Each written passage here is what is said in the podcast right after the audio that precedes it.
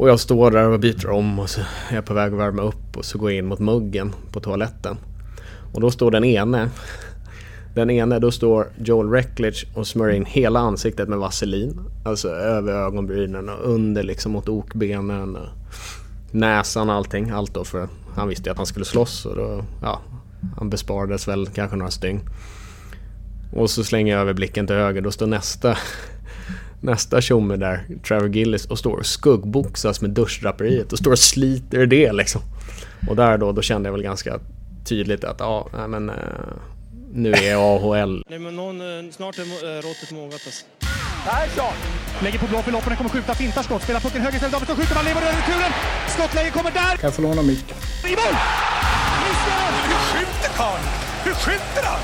Jag kan bara säga att det där är inget skott faktiskt Lasse. Det där är någonting annat. Det där är liksom, han skickar på den där pucken så jag nästan tycker synd om pucken. Den grinar när han drar till den. Utan Fröbo var målvakt! Kan jag få låna micken? Kolla! Poff! En allvarligt talad Leif Boork håller på med hockey i 600 år! Kan jag få låna micken?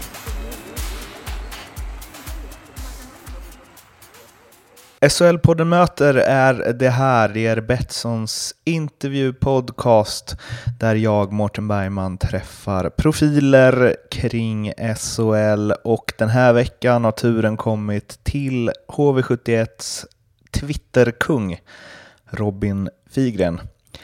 Vad vi pratar om det hittar ni i beskrivningen till den här podden och jag skulle förstås bli superglad om ni prenumererade på iTunes eller Acast om ni gillar det här och sprider vind för våg till eh, folk som ni tror skulle uppskatta den här intervjun.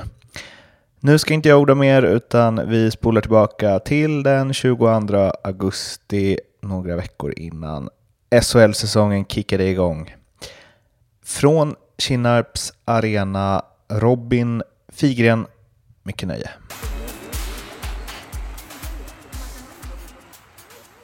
Ni har ju varit på något läger nu som jag har sett lite av. Det har varit vildsvin och det har varit ja, kamouflagekläder och hela faderullan. Är det kul eller? Eh, nej, det är det inte. Eh, med handen på hjärtat. Det, mm, man har gjort det där ett par gånger. Jag tror att jag gjorde min första, eh, kan jag ha varit då en 14-15 bast kanske.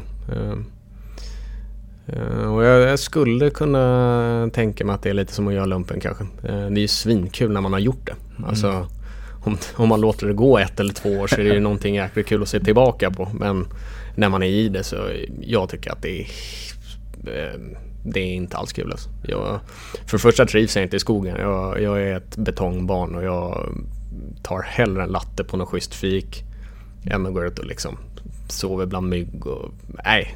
Nej så det där det,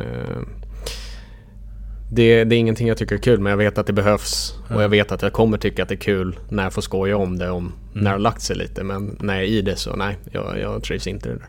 Vad gör ni då? Eh, den här gången var det kanske lite mer fysisk aktivitet. Eh, de tidigare gångerna var det väl lite mer överlevnad kanske. Okay. Eh, nu var det mycket tävlingar med att släpa saker. Och, mycket löpa och mycket slita. Mm. Medan andra gånger då har det väl varit mer liksom bygga tält, lösa sin egna mat. Mm.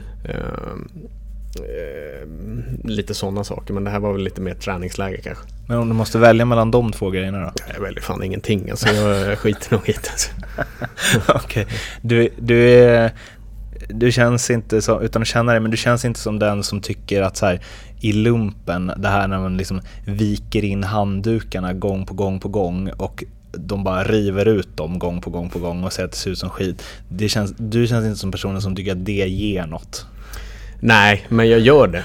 Eh, alla sådana här skitsaker, det är någonting som jag, jag, tycker att jag har byggt upp en ganska stabil mental sida. Att så fort det är sådana här saker, även fast jag kanske inte Även fast jag tycker att det är aptråkigt och jag hatar det så, så gör jag det ändå. Mm. Eh, ofta går det ganska bra också. Mm. Eh, men absolut, det, jag är inte den som, alltså militär som kommer in och gapar. Hela den biten. Det är, Eh, speciellt när man blir lite äldre också. Man mm. har, jag vet inte, man... Eh, jag känner mig inte helt hemma där så jag, jag, jag antar att jag inte skulle gjort, eh, känt mig så hemma i lumpen heller faktiskt. Men eh, att du ändå gör det, har du alltid gjort det? Eller har du fått öva upp att så här, det här är tråkigt men det ska göras? Ja, det, är no, eh, det är någonting jag lärt mig med mm. tiden att eh, Alltså, sen tror jag att jag, jag har blivit uppfostrad så att det du blir tillsagd, det gör du. Eh, och det har jag alltid, eh, alltid gjort. Och sen nu när man blir lite äldre så, så kan jag ibland frågasätta mig själv om det verkligen har varit den rätta vägen. Alltså mm. det har ju inte bara med att göra vad man gör på något sånt här överlevnadsläger utan även i eh, kanske vanliga livet och framförallt i hockeylivet när man har haft tränare som har sagt en sak och man har varit helt emot. Mm. Många gånger så har jag bara ställt mig med mössan i handen och gjort exakt som, mm. som det ska vara. Och jag eh, undrar väl lite ibland om det har varit den bästa vägen för mig. Ha, har du något sånt exempel där du känner att jag, jag kan, här kanske jag borde tagit striden? Eller? Ja, jag hade eh, två år AL där jag kände att det var allt jag gjorde. Jag bara ställ, rättade mig in i ledet helt. Eh, och när jag tittar tillbaka på den tiden då, då kan jag ibland faktiskt önska att jag skulle få spola tillbaka klockan och, och, och få göra saker och ting lite annorlunda. Sen tänker jag, där och då måste det vara så jävla svårt att ja, eh, göra det. Ja, nej men absolut. Och det man, åker, man är inte så jäkla gammal när man åker. Visserligen hade jag Eh, bott själv i gymnasiet och själv i juniorligan men sen kommer man dit och det är lite annan mentalitet. Helt plötsligt är det professionellt och det, eh, du har helt plötsligt ett jobb att försvara. Så det var ju det var kanske, kanske ganska naturligt att man gör det men samtidigt kollar man då på spelare som kanske lyckas idag. Det är ganska många som väljer att gå sin egna väg och kanske inte alltid bara rätta sig in i ledet. Eh, jag, jag, jag, jag vet inte, det är möjligt att jag har fel men jag vill jag tror nog att jag, att jag kanske var en spelare i den åldern som kanske inte Eller jag kanske hade mått lite bättre av att klara av den situationen av att göra min skit om man säger mm. så.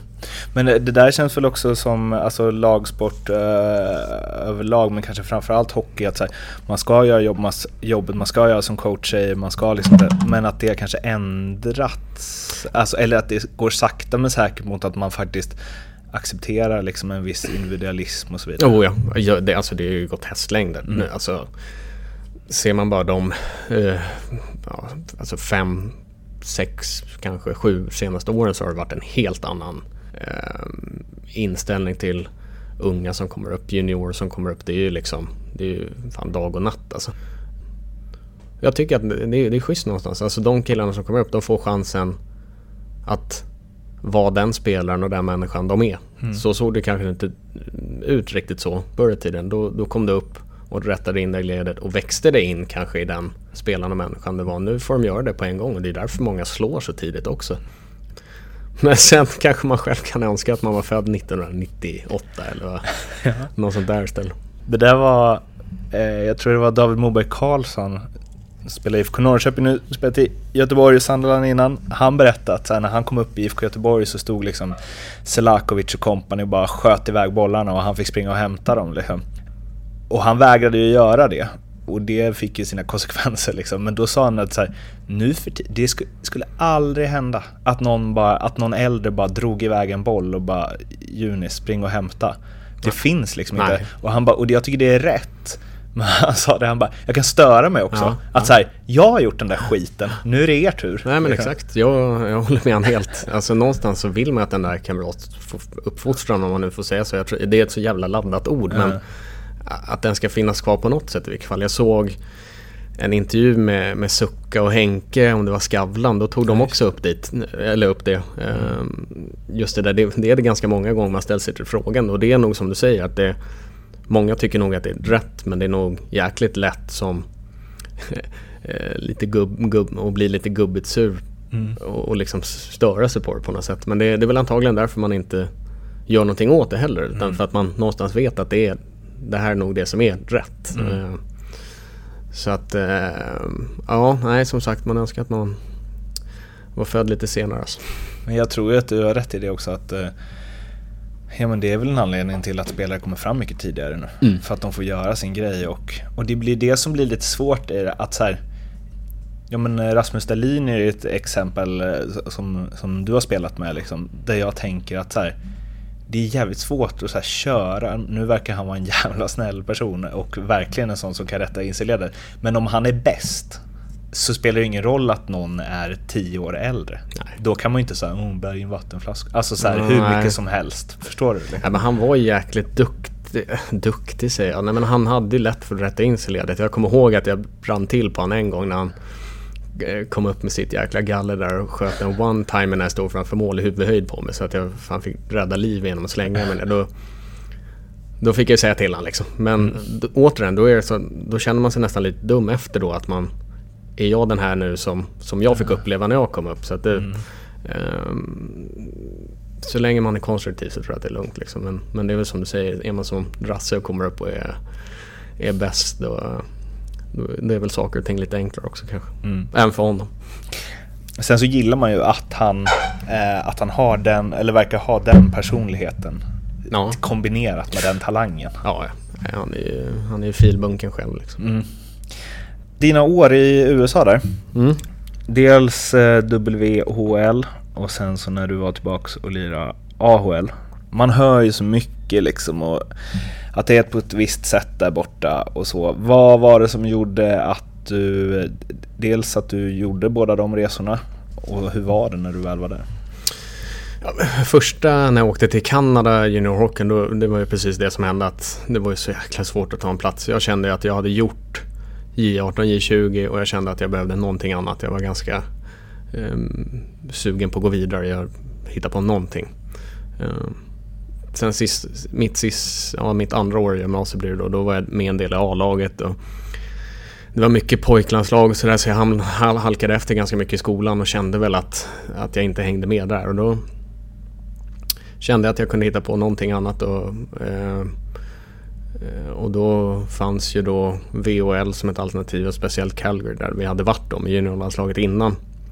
Eh, att det skulle kunna vara någonting, att det skulle kunna vara ett nästa steg. Det är ingen A-lagshockey men det var ju helt klart ett snäpp upp. Ehm, så, så för mig var det där helt perfekt. Jag vet att det, det är många svenska hockeytyckare så som, som eh, eh, kanske inte tycker att det är helt rätt väg att gå. Men jag vet inte, jag, jag trivdes med det. Ehm, Sen som sagt igen så ser det lite annorlunda ut. Nu får ju faktiskt unga lite bättre chans än vad de fick på den tiden. Så att, eh, med tiden och läget så som det var då så, så var det en perfekt lösning för mig. Alltså. Det var en jävla häftig upplevelse. Alltså. Eh, vad var det som var nice?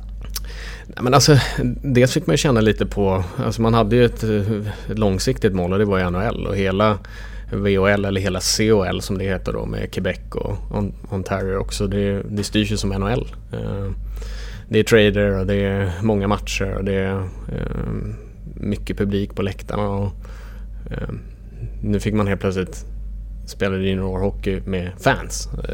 Men alltså, vi hade väl säkert en 10 000 på läktaren i Calgary. Det var ju Det var ju för jäkla häftigt. Sen var det kul att se ett nytt land, lära sig ett nytt språk och växa. Jag växte ju något helt sjukt som människa då. Så att, eh, jag, jag har ju en positiv ton till det där.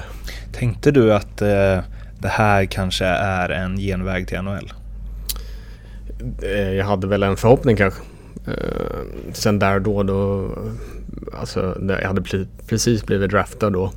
Eh, Och man insåg väl att det var en ganska lång väg att vandra men eh, jag såg ju det som en bättre skola att skola in sig för att ändå kunna spela där än att kanske åka och spela J20 eh, ett år till som jag säkert hade fått gjort. Mm. Om eh, ni stör er på ljudet i bakgrunden så är det något eh, Bauta-kylskåp här och det får ni helt enkelt stå ut med. De tystnar väl om ett tag. Om vi fortsätter att prata dina klubbar så finns det ju... eh, Finns det något att du har... För, att, för jag tänkte på det när du pratade om så här Göteborg och Frölunda och så, för du pratar ju också om Djurgården på ett sätt som att så här, men det är ändå din klubb liksom. Och, och du, alltså, och du har lagt jag har hört när du pratat inför fansen i HV också och så här.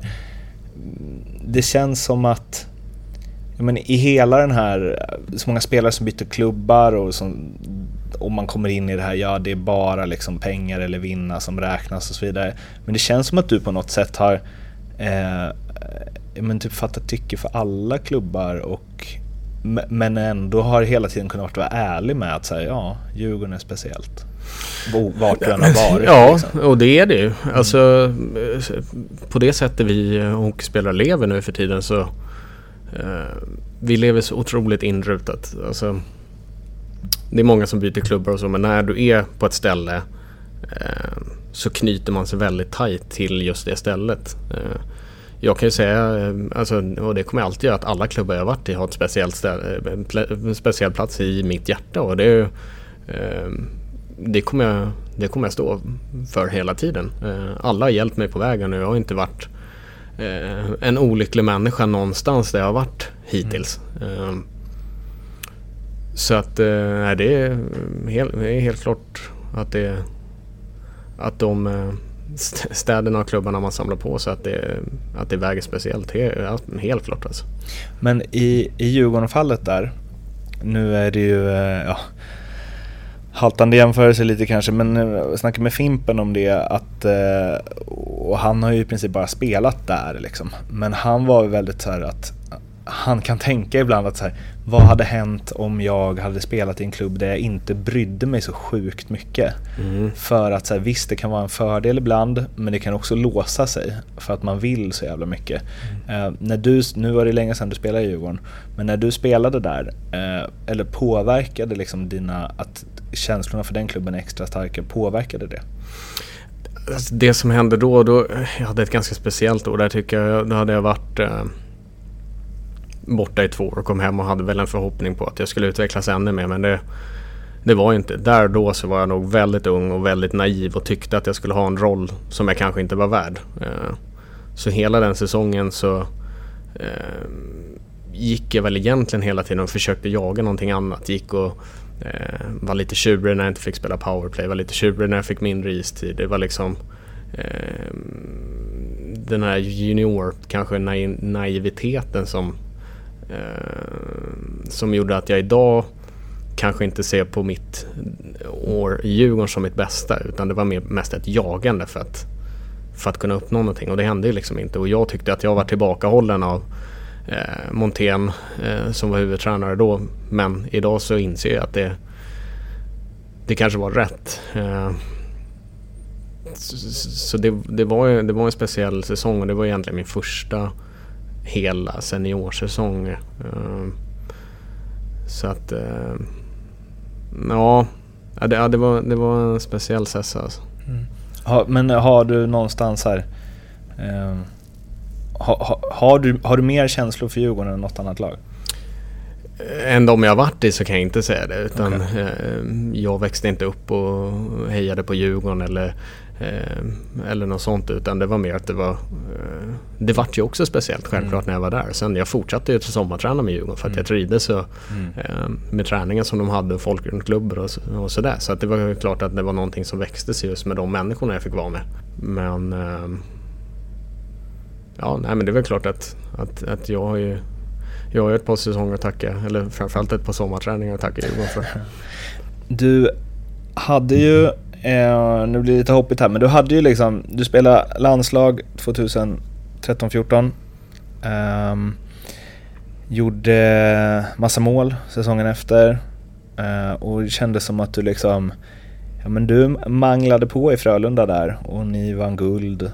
Och det var, ja men det kändes som att du liksom var på en bra plats och presterade och så också i en ålder där, alltså när du, när du byter till HV inför förra säsongen så är det ju en ålder där så här, nu ska det finnas någon så här optimal synk mellan det mentala och det fysiska typ i ens karriär. Liksom. Det här ska vara de bästa åren. Hur resonerade du där? Att så här, när du gjorde det här valet och lite det jag vill ringa in är väl så här, var, var är du i din karriär känner du? Mm. Nej, alltså jag kände ju eh, precis som du säger, alltså mina två, speciellt mina två första år i Frölunda var, eh, det var galant alltså. Det var pilar som pekade rätt uppåt och mm. Sen hände det någonting år tre där, jag inte alls eh, eh, när vi vann det året. Jag tycker inte alls, det som kändes snopet var att jag gick från min bästa säsong eh, till en betydligt sämre säsong och det var liksom någonting som eh, störde mig hela tiden egentligen. Eh, det som var skönt var att jag hade ett lag, ett förbannat bra lag att kunna luta mig på. Vi vann ju mycket och eh, hela den biten. Men jag tyckte att därifrån så hade jag lite av en, eh, kanske inte mental stress, men att, det, att jag kände att jag hade någonting att leva upp till hela tiden. Det kanske jag inte hade innan. Utan det var därifrån jag kanske började sätta extrem hög, jag har alltid haft höga krav på mig själv, men där och då så vart det väldigt höga krav på mig själv. Eh, kanske låste sig lite. Eh, och fick inte ut det som jag kanske fick ut där år två. Sen eh, sista året tyckte jag ändå att jag hittade en kedja där som eh, vi gjorde det vi skulle med Kalle Grönström och eh, Johan Sundström och då, då tyckte jag ändå att jag hittade någon form av balans igen. Men det var ju fortfarande, jag ville hitta tillbaka till den där 31 poängsäsongen. Mm. Och då kände jag väl att mina två sista år i Frölunda så kändes det som att jag hade gjort det. Eh, och jag kände att jag behövde någonting annat. Precis som du säger så kände man väl någonstans i livet att man kanske inte hade svinmånga år kvar. Utan jag kände att jag behövde göra någonting för att bryta ett mönster. För att, inte för att jag var missnöjd med Frölunda på något sätt. Eh, kanske inte heller för att jag såg att HV hade vär, alltså, Mm. Att det var någonting jag hade suktat efter. Utan det var mer jag kände själv att jag behövde bryta ett mönster för att kanske komma på rätt bana igen. Mm. Um, och år ett i HV, det är klart att um, majoriteten av delarna är jag inte nöjd med. Uh, men jag tyckte ändå att det fanns en del goda bitar att plocka från, från uh, första året här. Då. Det var, um, fick spela ganska mycket med boxplay och tyckte att det utvecklade den delen ganska mycket och eh, hade väl en del passningspoäng tror jag. Mm. Eh, så att eh, jag ska inte ta hela, hela år ett från kartan men eh, eh, det är helt klart att jag, att jag känner att jag har lite revanschlust. Då. Ja, du postade något sms från Thomas Ros på Twitter. Eh, svaret där kan ni gå in och läsa, det var väl var det karaoke, yoga och så. Eh, men det var, eh, det var ju frågan som eh, var intressant från honom. Han tyckte du såg rapp ut. Är du rappare i år eller vad man ska säga? Jag sa det till Rosen också. Han är känd för att vara en like, en raket ja. så att det var väl inget Ingen chock att den slog lite. Nej men eh, eh vad var frågan? Nu glömde jag. Jag bara sitter och tänker på Thomas Roos Ja, det kan man också göra ja. ibland. Eh, nej men eh, känner du, eh, eller var det en spaning av någon som bara slängde ut något? En kvällstidningsjournalist? Eller ligger det något i? Är du rappare i år? Har du gjort något? Jag vet inte om det är det. Eh, dels, vi, har fått, vi hade 12 veckors sommarträning eh, och det har man inte eh, varje sommar. Det, förhoppningen är att man inte ska ha så många sommarveckors träning. Men det som jag, jag kanske kände den här sommaren är att jag, jag aktiverar mig på något sätt och jag har lyckats koppla bort hockeyn som jag inte har kunnat gjort tidigare. Mm. Jag tog den här sommaren, det var inte så att jag kände att åh att jag måste göra något drastiskt. Och, utan, utan det som hände var mer att vi, det var en lång sommarperiod och jag hade mycket på agendan. Eh, mm. Vilket kanske gjorde att jag lyckades koppla bort allt vad hockey heter. Och jag är en hockeynörd egentligen. Jag sitter ju och kollar mycket hockey hemma. Jag sitter och kollar sjukt mycket YouTube-klipp och jag kollar nästan eh, under säsong så kollar jag nästan, alltså otroligt många Simor. Men den här sommaren så var det som att jag lyckades koppla bort det helt. Mm. Varför då? Jag vet faktiskt inte. Mm. det kanske också har någon ålders... Mm.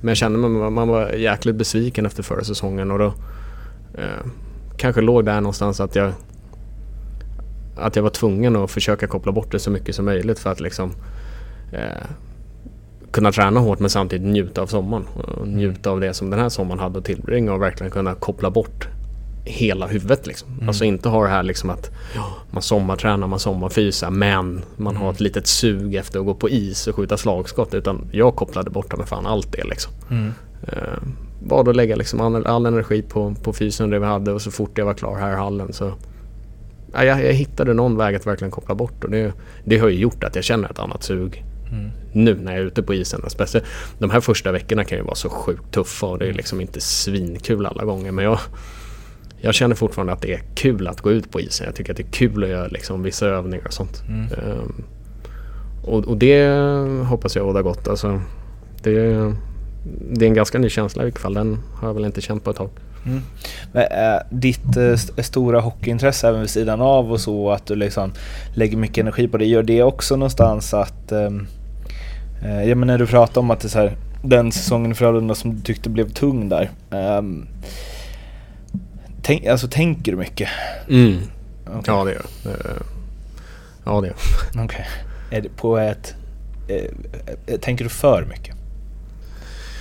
Eh, jag tror att jag, eh, jag är nog ganska dålig mentalt så jag tänker för mycket när det går dåligt och kanske för lite när det går bra. Det är kanske jätteklassiskt bland många idrottare men eh, eh, man, det kanske man har som människa också en förmåga att det är jäkligt mycket lättare att klanka ner på sig själv när det går dåligt än att hylla sig själv när, när det kanske går lite bättre. Så att eh, absolut, det, så är det nog.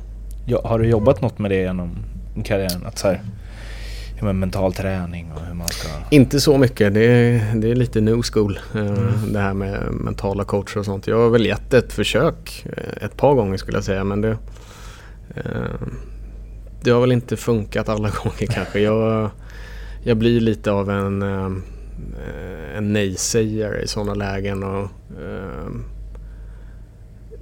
jag vet inte, jag kanske har lite svårt för att någon ska sitta och berätta för mig hur jag ska tänka mentalt och hur jag borde göra i och när det är en omöjlighet för den människan att veta vad som försiggår i mitt huvud. Eh, och då blir jag väl lite, det jag vet inte om det är någon försvarsmekanism eller någonting, men jag blir väldigt liksom eh, motsägande. Ja. Nog ganska svårt tror jag.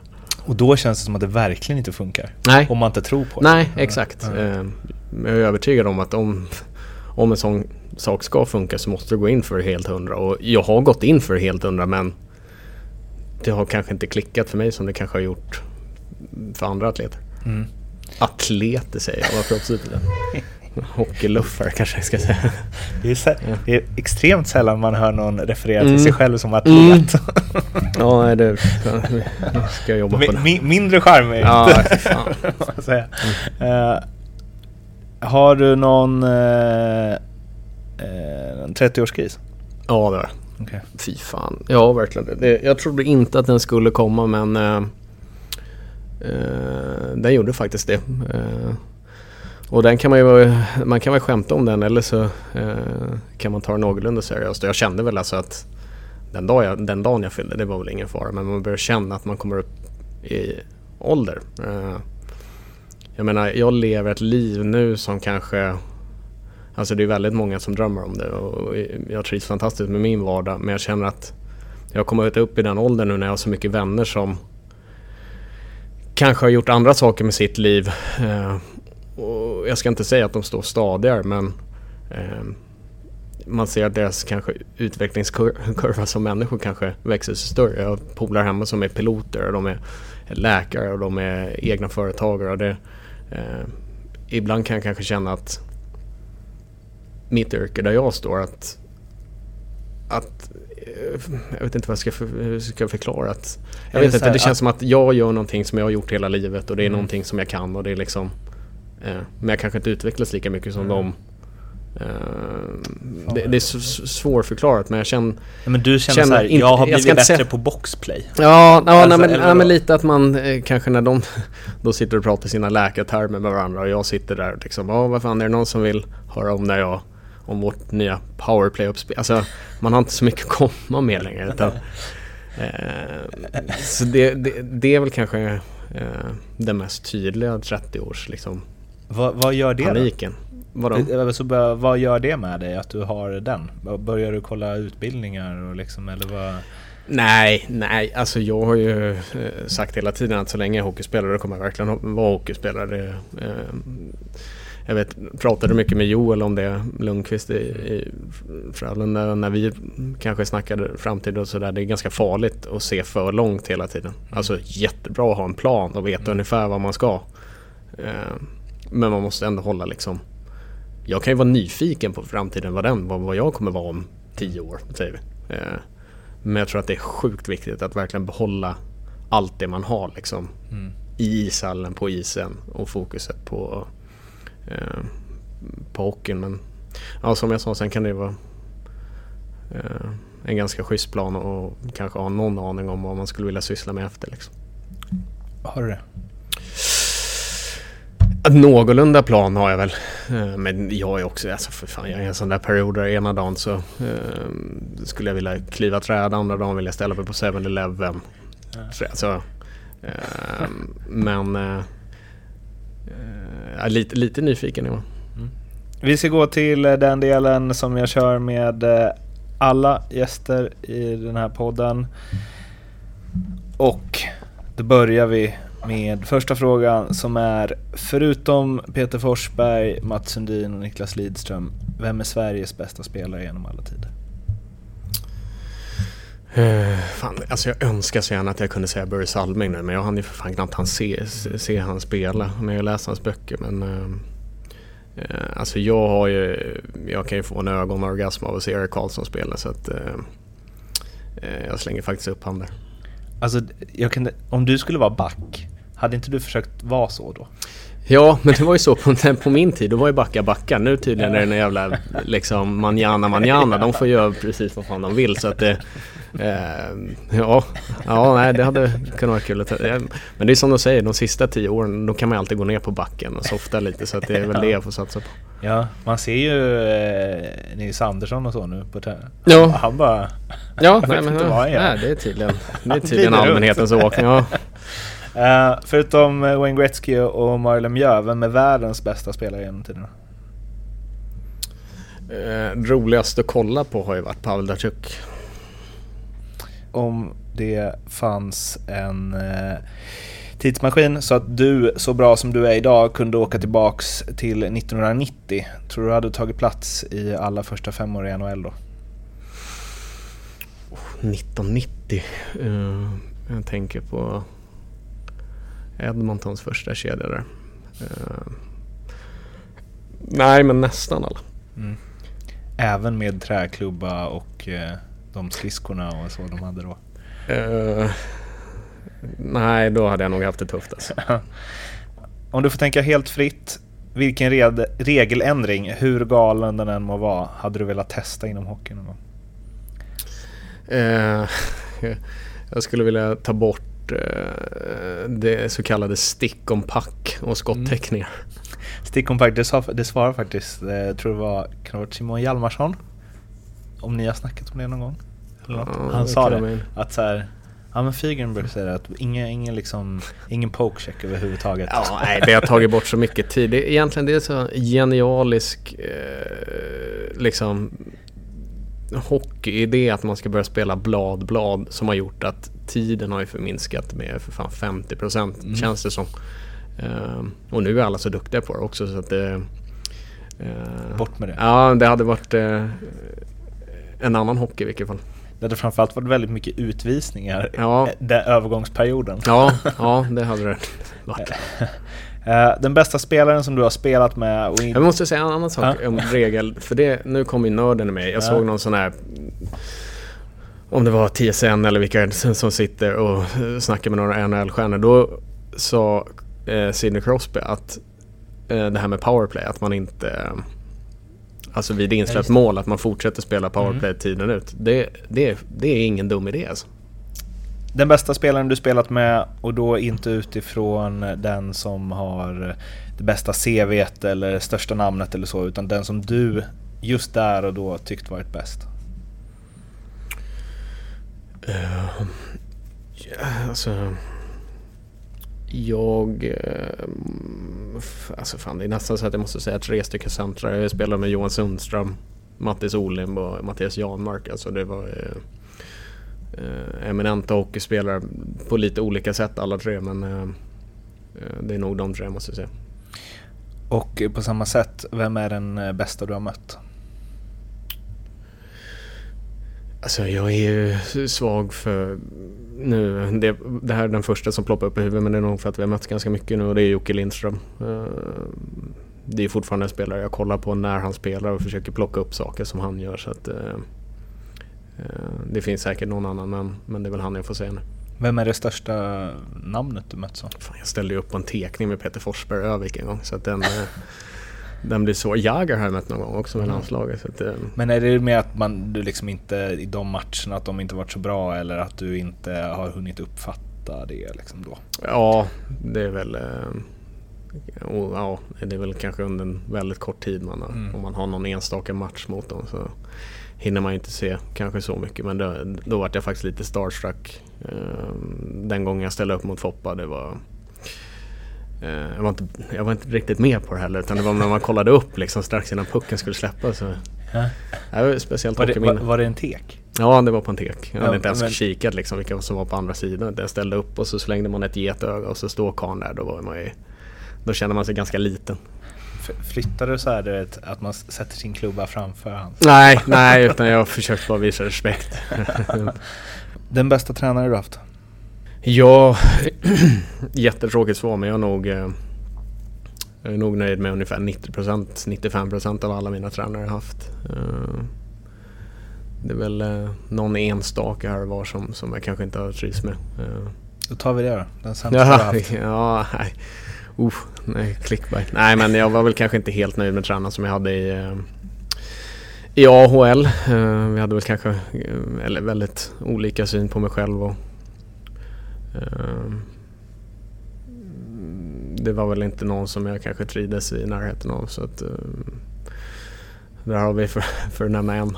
Den bästa lagkamrat du har haft utifrån hur du tycker att man ska vara i eh, ett lag och i ett omklädningsrum och mot sina lagkamrater? Och det är också sjukt många alltså.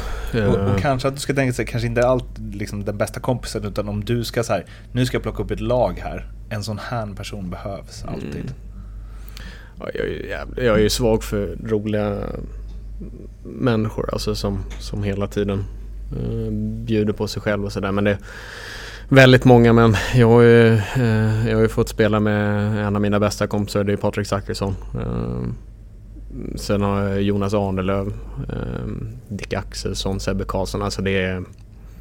Eh, jag har nog också haft en jäkla tur där. Fått träffa helt sjukt fina människor så att eh, det är svårt att pilla ut en, en speciell alltså. Det här eh, gänget känns som det är många eh, trevliga Mm. i.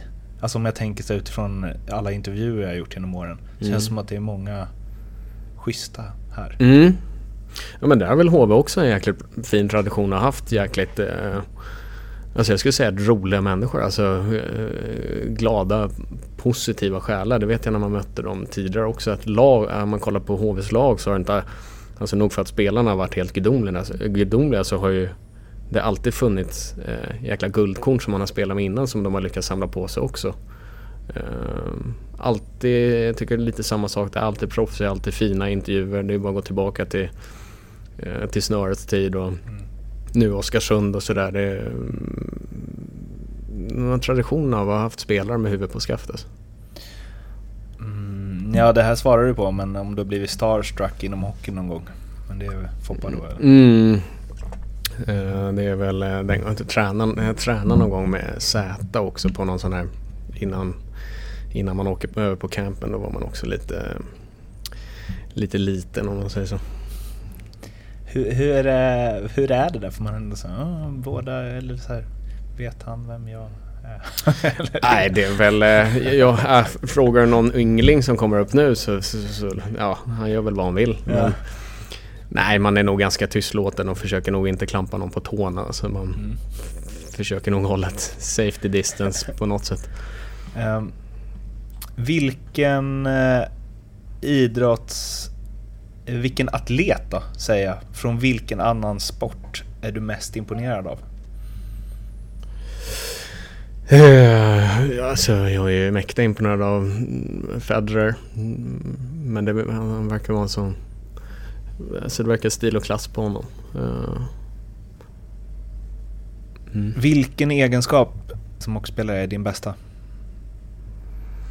Eh, vi hade den frågan på något möte här ganska nyligen. Eh, nej men jag är nog ganska orädd, alltså ganska oöm. Eh, jag är nog inte, jag är inte så rädd när jag spelar utan jag, jag gillar att böka och stöka och det är nog den delen som, som jag tror är den viktigaste delen jag har med ett spel. Om du fick ta en egenskap från en annan spelare, vilken egenskap från vilken spelare? Jag skulle vilja ta Linus Klasens händer. Handleder. Hade du dribblat jättemycket då? Ja, då hade jag dribblat sönder pucken. Ja, alltså man har hört så här, det är många som, och även som har spelat med liksom, som har gjort flera år i NHL och så, som säger att eh, hans eh, puckhantering och så här på träning och så, att det är helt, att det är något Ja, ja, annat. men den är, den är nog eh, ganska världsunik. Det tror jag. Han har jobbat mycket på det. Alltså, han är, någonstans har väl det medfött också med, med farsan som är trummis och eh, den här rappheten, snabbheten. Men han... eh, det är, det är fan svårförklarat att alltså, titta på honom. Det är, det är svårt att, att, att liksom se sig själv kunna ens göra det och liksom se vad som pågår. Liksom. Ja, men det med, alltså gör han grejer som om du skulle testa att göra det så hade det sett ut som att jag skulle testa att göra Ja, det. Typ. ungefär. Det, det hade inte gått ihop. Det hade... Jag tror inte ens att man alla gånger hänger med vad exakt han gör för någonting. Nej. Så det hade blivit svårt att visa om man inte liksom hade gått igenom det steg för steg. Eh, Så nej, det hade nog blivit någon pajas, eh, pajasform av hela, hela skiten. Hur eh, många procent talang eh, versus hårt arbete är du? Jag skulle säga att jag hade en väldigt stor talang. Eller hade jag, den är väl där någonstans också. Ehm, när jag var knatte och en ganska lång väg upp så... Så jag hade en sjuk talang och jag levde nog ganska mycket på den också. Sen kom det en tid när folk började knappa in på en och då var man tvungen att börja jobba hårt. Så att, eh, eh, idag så skulle jag nog säga att det, att det är hälften hälften. Hur skulle du säga att eh, korrelationen mellan liksom mental, det mentala och eh, rena skills hockeymässigt, eh, alltså vilket är viktigast för att gå långt liksom? Eh, ja, vilken svår fråga. Eh, man behöver ju båda, helt Mm. klart. Eh, sen kanske det är lite olika vart man är i livet. Eh, I en yngre ålder då, då tänker man inte så mycket. Då Mm. kanske det är lätt att inte ha något eh, mental liksom. Då, det är kanske inte lika viktigt med en supermental styrka då. Utan då lever du mycket på verkligen vad du gör på isen. Du har lättare för att koppla bort. Du har lättare för liksom Mm. eh, Du ser inte så mycket hinder och du ser inte så mycket problem. Anser jag att eh, det funkar. Så har det varit för mig i vilket fall. Sen när man blir lite äldre då då sätter det där igång lite mer. Eh, Man börjar fatta lite mer hur saker och ting funkar. Man eh, känner kanske lite mer press från Alltså yttre press. Eh, Gör du det när, Ja, det nu det- när du var absolut, yngre? absolut. Ah, okej. Absolut. Eh, och då är det liksom inte nog med att man har den pressen som man har på, på sig själv liksom konstant hela tiden utan man börjar känna lite eh, att det man gör kanske är väldigt viktigt för väldigt många andra och då, eh, då är det någonting som läggs på, på på en egna press och då behöver man ett bättre psyke och bättre mental liksom, stabilitet på något sätt för att kunna hantera det. Och, Mm. Ehm, Så att eh, helt klart är båda viktiga, delarna viktiga men ja som sagt jag tror att det kanske beror lite på vart man är i, i livet. Det är intressant, det här är inte en av de här frågorna men Kristoffer Nilstorp svarade på frågan vad hans största misslyckande, eller så här, ja, hans största misslyckande inom hockeyn var och då sa han att det är att han aldrig har njutit av att spela en hockeymatch. För att, och han sa det, det är typ aldrig någon som snackade om det, sa men jag vet att hur många lagkamrater som helst som känner som jag, sa han då, att så här, det är så mycket press. Och det är så mycket prestationsångest och det Mm. är så och det är inte så jävla roligt alltid Nej. att gå ut och lira match. Nej jag är helt med. Jag är helt med. Ehm, det, eh, jag tror att det kan vara så svårt att förstå eh, hur man verkligen känner. Det, men som jag sa innan, jag känner nu när jag blir lite äldre när pressen blir större och sådär. Det, är, eh, det är inga avkopplande jobb vi har. Alltså den tomheten och den eh, liksom, eh, ska jag förklara, eh, när säsongen är slut, den här lättnaden, det är en lättnad på något sätt. Eh, Det är ingen lättnad att åka ut tidigt eller att missa ett slutspel eller något sånt där. Men dag två in på efter det så känner man en enorm lättnad för att du vet att du inte behöver känna den pressen i vilket fall på ett tag, Mm. en tid framöver. Eh, och det är jag helt, det är jag helt med eh, Nistorp att hela jag är övertygad om att det är otroligt många spelare som verkligen känner det här hela tiden. Eh, men det tas inte upp eh, tillräckligt ofta. Och det här med att eh, gamla klyschan att man ska gå ut och njuta, det finns inte. Det finns inte. För det är ett jobb, det är ett professionellt jobb. Du har jäkligt schysst med stålar. Du har 10 000 på läktaren som sitter och ska tycka och så har du massa andra som också ska tycka på eh, på vad du gör. Så jag menar, vem fan, vem fan blir inte lite halvinstabil mentalt av, att, av att ha ett sånt jobb? Så att jag, jag är helt med han där och jag, eh, jag känner precis det han, det han säger. Kan du, Jakob Delaros berätta att under eh, VM-finalen, när det var förlängning, så eh, sa han att det finns ju spelare som, var, men typ så här, Filip Forsberg, han älskar ju det där. Alltså han blir ju bara bättre när det gäller så. Men Jakob sa det, jag stod där i båset och bara för fan, släng inte in mig nu. Mm. Alltså jag vill inte lira. Eh, och då, och jag blev så förvånad, jag tänkte så här, vad fan, du spelar i Tre Kronor, det är klart att du vill lira. Mm. Annars hade du inte varit så här bra. Mm. Men han bara, nej fy fan, jag trodde jag skulle spy liksom, Mm. hela tiden. Nej, jag, jag, jag förstår han där med. Det är, alltså, men det... Ja, För det jag är ju vet- så, jag det, tror att allt det män- snack är ju så här, älska stunden, älska läget, vill bli hjälte, våga Ja. och så vidare. Ja, och det är ju skitlätt att säga. Ja. Men att stå där, det är en helt annan femma. Ehm, eh, att njuta, nej. Nej. Jag, jag har svårt att se att man kan nj- njuta så jäkla mycket av det här jobbet faktiskt. Vad kände du om du har läst den? Men det antar jag eftersom du eh, eh, säger att du konsumerar så mycket hockey också. Men eh, Thomas Roos intervju med Tommy Salo. Jag har faktiskt inte hunnit läsa hela den. Okej. Ehm, För det var ju, det kände jag som så här. Nu har inte jag tyckt så mycket i mitt jobb, men man har ju tyckt som supporter. mm. Aj, jag, fick, jag fick typ dåligt samvete för alla gånger som man bara Ja men du får "Ah, ta mig han igenom, vad, släng." vad stod det då? Vad, Nej men han berättar ju att eh, det mot Vitryssland påverkade honom så jävla mycket liksom. mm. Eh, och att, eh, ja men så här, alkohol, alltså drack alldeles för mycket och var verkligen nere i liksom mörkret.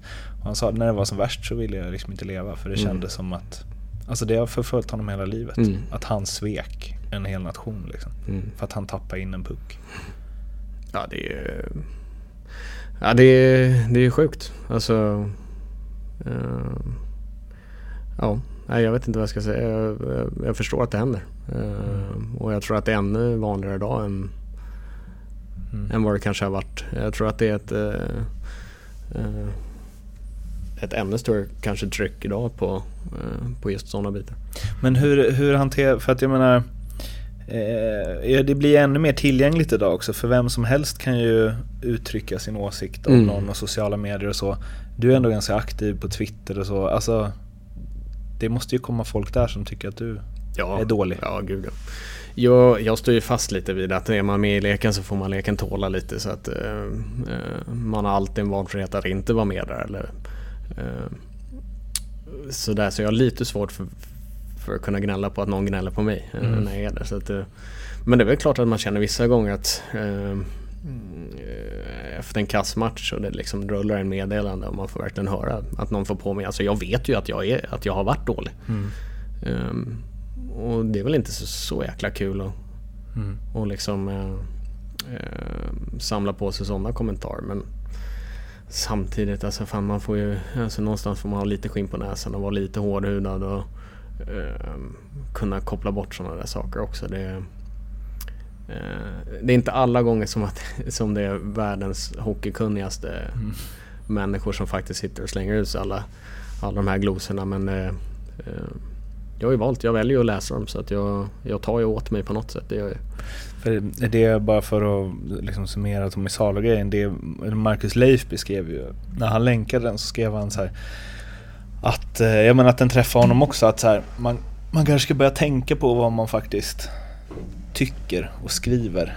Alltså, I alla fall när det gäller sport. Mm.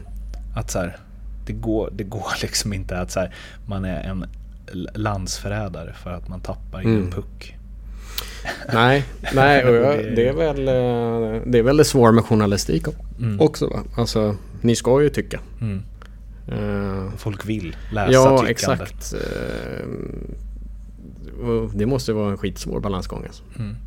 För att om man inte trycker till så vill, eller klickas det inte och då är inte chefen Nej, nöjd, det är liksom. väl den här klickgenerationen liksom. Och det är väl klart att eh, om den Vitrysslandsmatchen hade spelats idag så tror jag att det är otroligt många journalister som hade suttit och jagat sina likes. Eh, de hade kanske till och med kunnat ta det till en, en annan nivå om man nu skulle kunna göra det. Hur bra tycker du att du är idag? Eller, eller har blivit? Eller så här, när du har varit som bäst.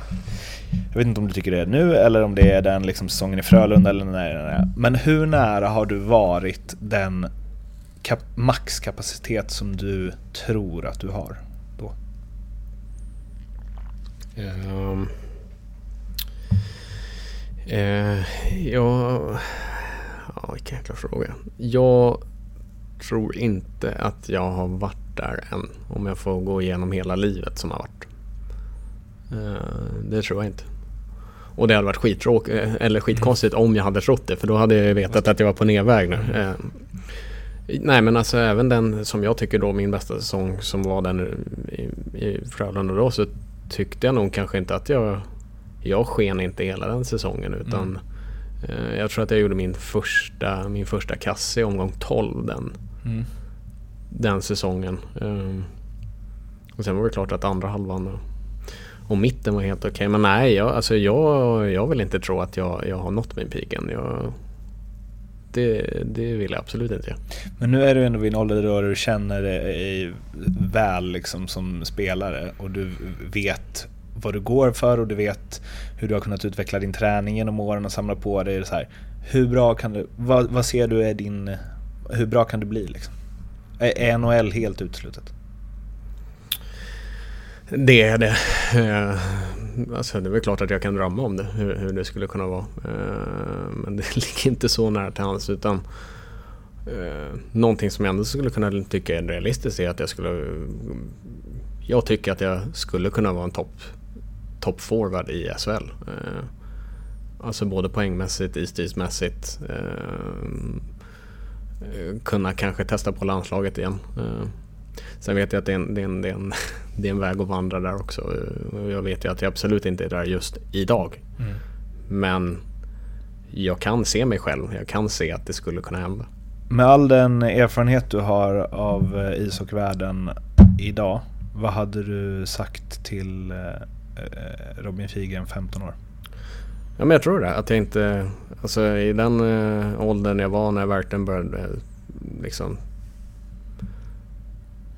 lyssna för mycket om man nu skulle kunna säga det utan att för, behöva låta så eh, orespektfull. Eh, så, så, så, så ja, nej, jag skulle, jag skulle nog sagt åt mig själv och, och inte ta order på, på, på 100% allvar utan kanske lyssna till 98% av orden jag fick och kunna lita lite mer på mig själv. Eh, på sättet jag, jag, jag, jag tycker att jag kan spela så som jag kanske borde ha spelat och borde ha gjort där och då. Liksom. Det var roligt när jag frågade eh, Mats det. För han sa, han sa, dels sa han så här, hans främsta talang var att han tränar så mycket sa han. Mm. Och så frågade jag, vad skulle du sagt att du, du skulle gjort då? Liksom, "Ja, tränat ännu mer. Ja, det är otroligt. Jag är inte, ja, nej fan.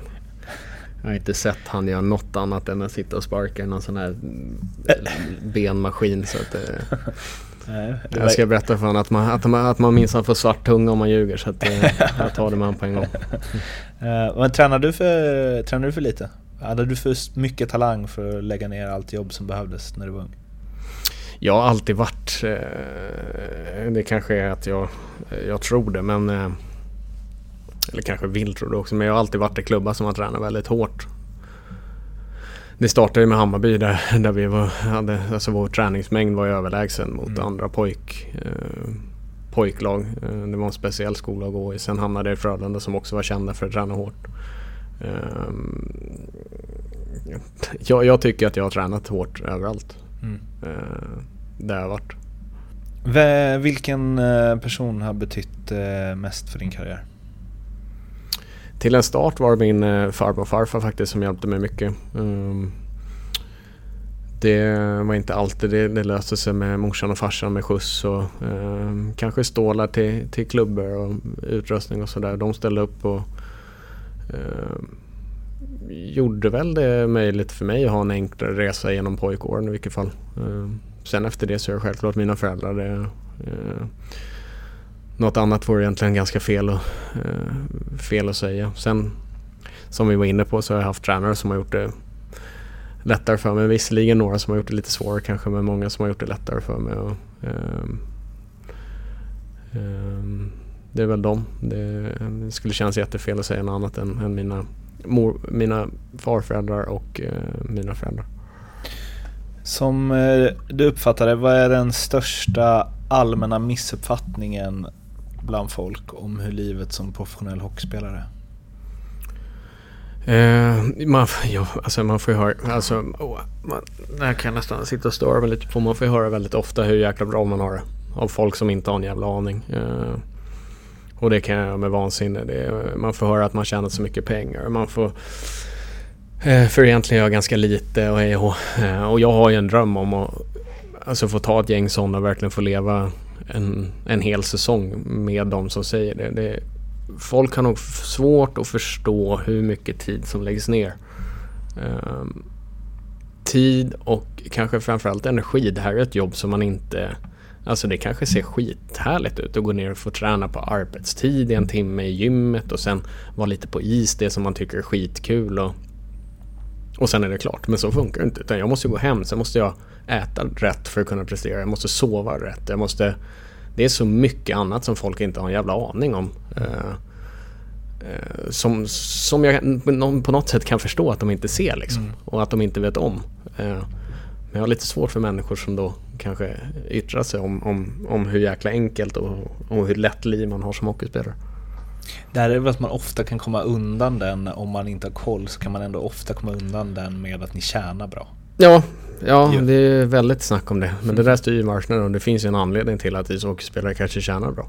Och att man kanske gjort det där jobbet ja. ganska många år innan man ja, exakt. tjänade speciellt bra. Exakt, och det där är också en intressant grej att man alltid får höra vad man eh, tjänar nu. Men faktum är att det vi tjänar nu det är någonting vi gjorde bra för kanske ett par år sedan. Mm. Så att det, eh, eh, lönen man har idag kanske inte just matchar det spelet man, man bjuder på just nu. Utan mm. det är någonting som har kommit innan. Och, eh, och det är inget konstigt i det. Liksom. Jag, eh, det, det, det, kan eh, faktiskt också störa mig lite att folk är så himla kåta på att veta vad vi ska tjäna så också att vi ska öppna löner. Varför det? Alltså det är väl ingen, alltså, va?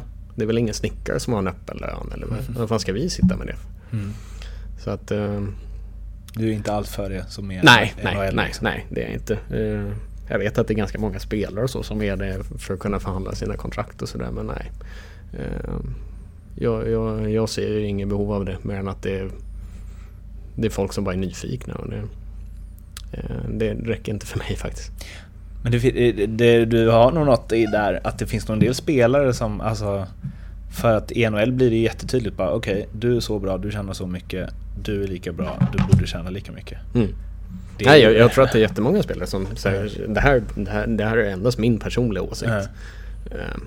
Det som är med, eh, med öppna löner då, om det skulle kunna vara en, eh, ett argument för att man skulle kunna få upp sin lön eller liksom hej och mm. Det här vet agenterna ändå. Mm. Alltså spelarna vet det ändå. Mm. Så jag köper inte riktigt det argumentet heller men det, det är upp till var Det här är en jätteflummig fråga men om du får samla alla Sveriges hockeyjournalister och de har dryck, druck, druckit någon magisk dryck som gör att de bara embracear och tar in allt du säger till dem. Vad säger du då? Uh, Figren 5 plus. ja, nej jag... Uh, ja, den, var, den var knivig alltså. Uh. Det, är väl, det är väl ett kreativt sätt att fråga vad du tycker det finns för utvecklingspotential inom hockeyjournalistik? Om det skulle kunna vara någonting. Nej, jag vet faktiskt inte, den var, den var jätteknivig. Eh, jag, vet inte. Jag, har ju, jag har ju funderat ganska länge på att eh, det startade i Frölunda-tiden att någon dag då ska jag faktiskt någon säsong ska jag betygsätta tänkte jag. Eh, alla hockeyjournalister och alla som har med hockey att göra. För att det är jäkligt ofta man får läsa sig själv om, om sina getingar och sina plus och allting. Det hade varit jäkligt kul att få linea upp alla andra och ge en liten kort recension om vad man tycker och tänker liksom. Eh, jag tror att det skulle, kunna, det skulle vara jäkligt kul att och, i vilket fall göra. Sen eh, skulle det väl nog vara ganska kul att läsa också tror jag. Speciellt för spelare då som... eh, Det är ingen dum idé. Nej. Jag blir direkt Ja. sugen på att läsa. Ja, Alltså. får se. Kanske kommer efter nästa säsong. Hur är det med media förresten? För din Är det liksom... Eh, ja men för du är ju massmedial i form av Twitter och så och liksom tycker till och där. Eh, samtidigt så eh, när jag skulle boka den här intervjun så kände Det man var ju för fan du som var sjuk. Du, hade, ju- du var ju fan sjuk dum. Nej, jag känner att med, Nu media... måste jag förstå. Första gången så sa du ah, jag är inte så pigg så på Ja. hösten, vi tar det i vår istället. Ja, i den Frölunda. klassiska novemberdeppen har väl alla. Nej, min media... Jag tycker... Först och främst så tycker jag att det är jäkligt intressant. Det är ju någonting eh, som jag... Det kan ju vara en stöttepelare. Någonting som jag kanske vill lita på. Ja, den dag jag är klar. Ja. Det är så Eh, alltså? Ja. Mm. Sen exakt vad vet jag inte. Det hade varit magiskt att få sy sin egna roll i, i vad man skulle vilja göra. Men sen, jag tycker att det är kul. Jag tycker att det är kul och um, mestadels ska jag säga, göra intervjuer och mm, jag tycker sådana här saker är betydligt roligare än att stå efter en match och prata ishockey. Eh, sånt här tycker jag är skitkul.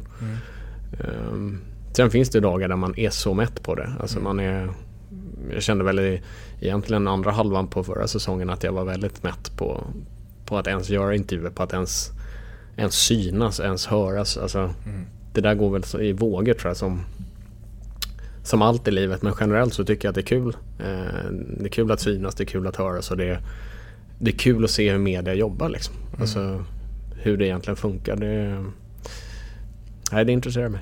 Hade du kunnat stå i Simor efter karriären?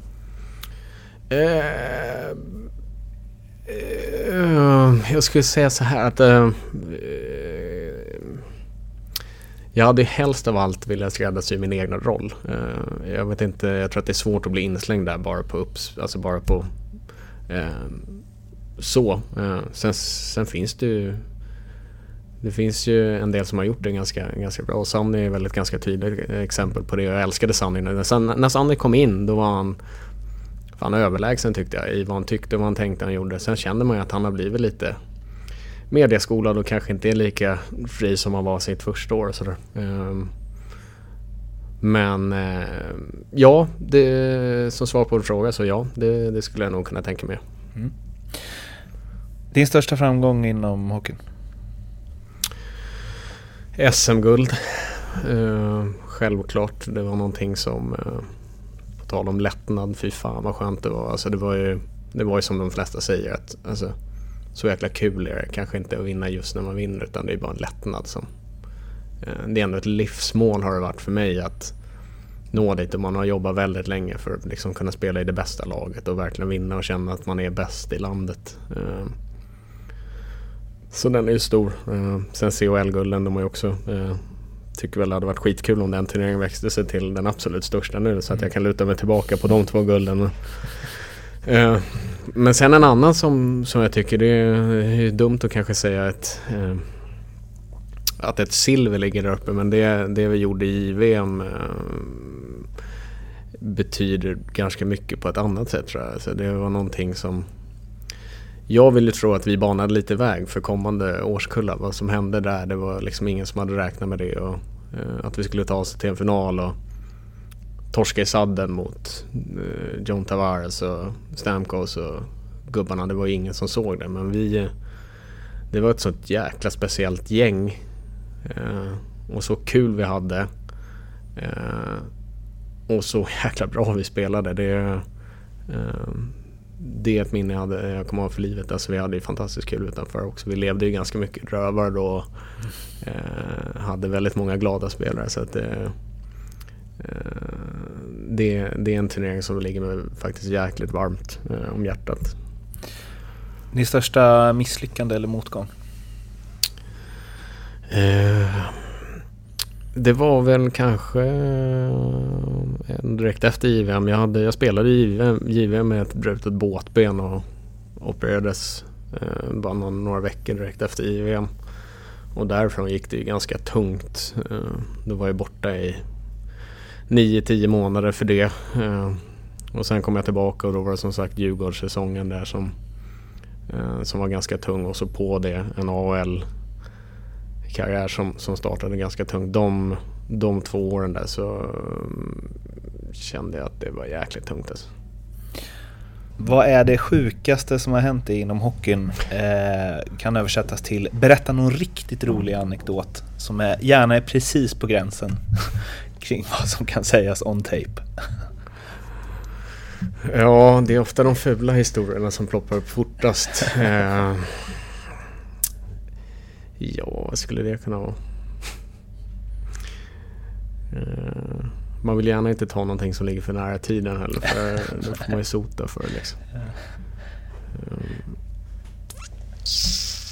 Jag har ju en fotbollspodd också. Här, Mm. Alla som har spelat i någon så här liga där man inte riktigt har koll, de drar alltid något så här, ah, när jag var i Österrike då hände det så. Och så bara, då tänker man så här, ingen aning, ett, ingen aning om det stämmer och gör det det så är det ju helt ofarligt att berätta det. Man vill ju ha något nu. Ja.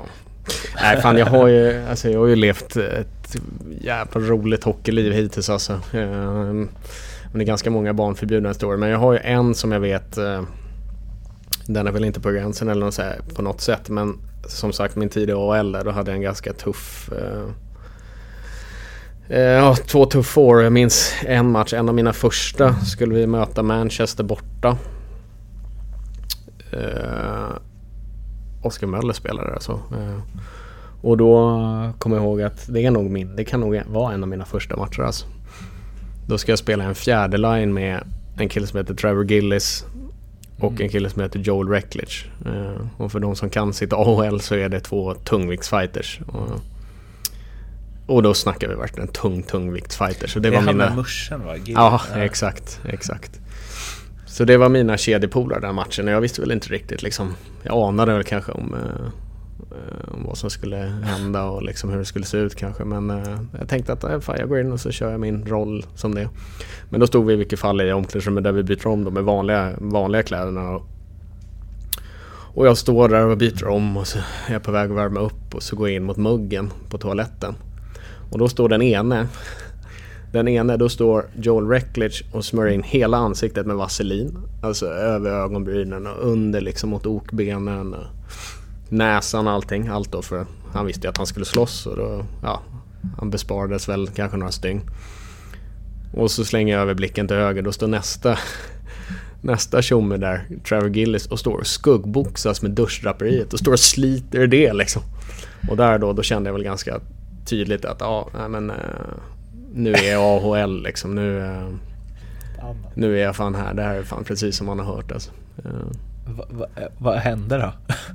Blev det fight? Nej, alltså det jag var lite nojig för det var ju att det skulle bli liksom ett line brawl där alla fem skulle slåss. Men eh, de var ganska, ja, de var ganska sk- duktiga på att sköta det där eh, tillsammans. Så jag behövde inte göra så mycket annat än att plocka upp handskar och klubban när de var, när de var färdiga. Men, eh, Va, va, vad tyckte de om dig då? Eh, Jag tror inte att de tyckte så mycket. De, eh, alltså de fattade väl att vi kanske inte hade exakt samma spelstil. Vi försökte väl mest bara lösa det efter förutsättningarna. Okej. Eh, har du droppat handskarna någon gång?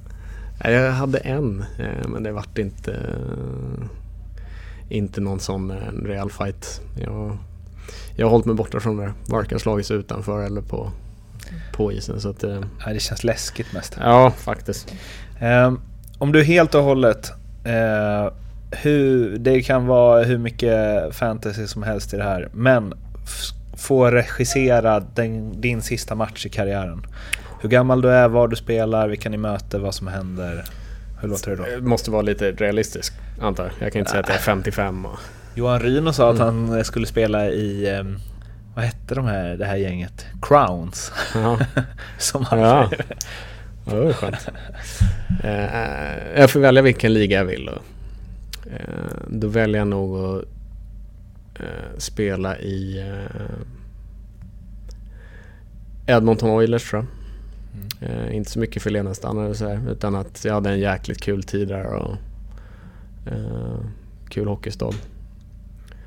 Och så vinner vi såklart Stanley Cup med... Jag skulle fan nog regissera lite som Young, Youngblood-filmen. Jag vinner 3-2. Jag har ett litet hattrick där med och gör sista då med tre sekunder kvar kanske. Och få eh, lyfta bucklan. Det hade ju kunnat varit något. Och Det kändes lite barnsligt, nästan lite tonårs, men det var, ja, nej, vi kör på det. Det är du och, du och McDavid då? Mm.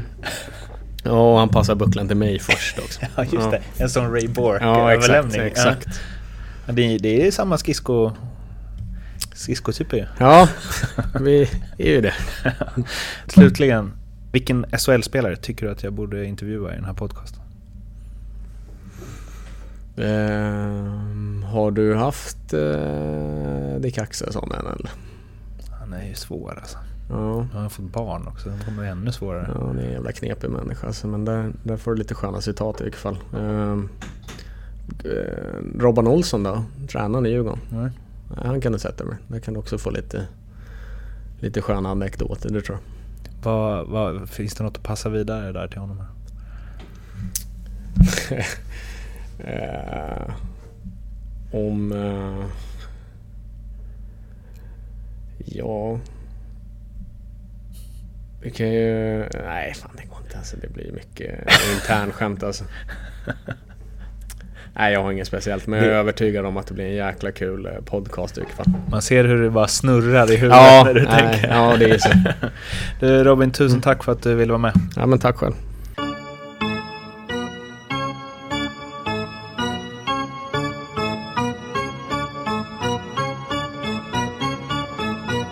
SHL-podden görs av mig, Mårten Bergman, tillsammans med Joakim Österberg för Betssons räkning och produceras tillsammans med SMT Radio.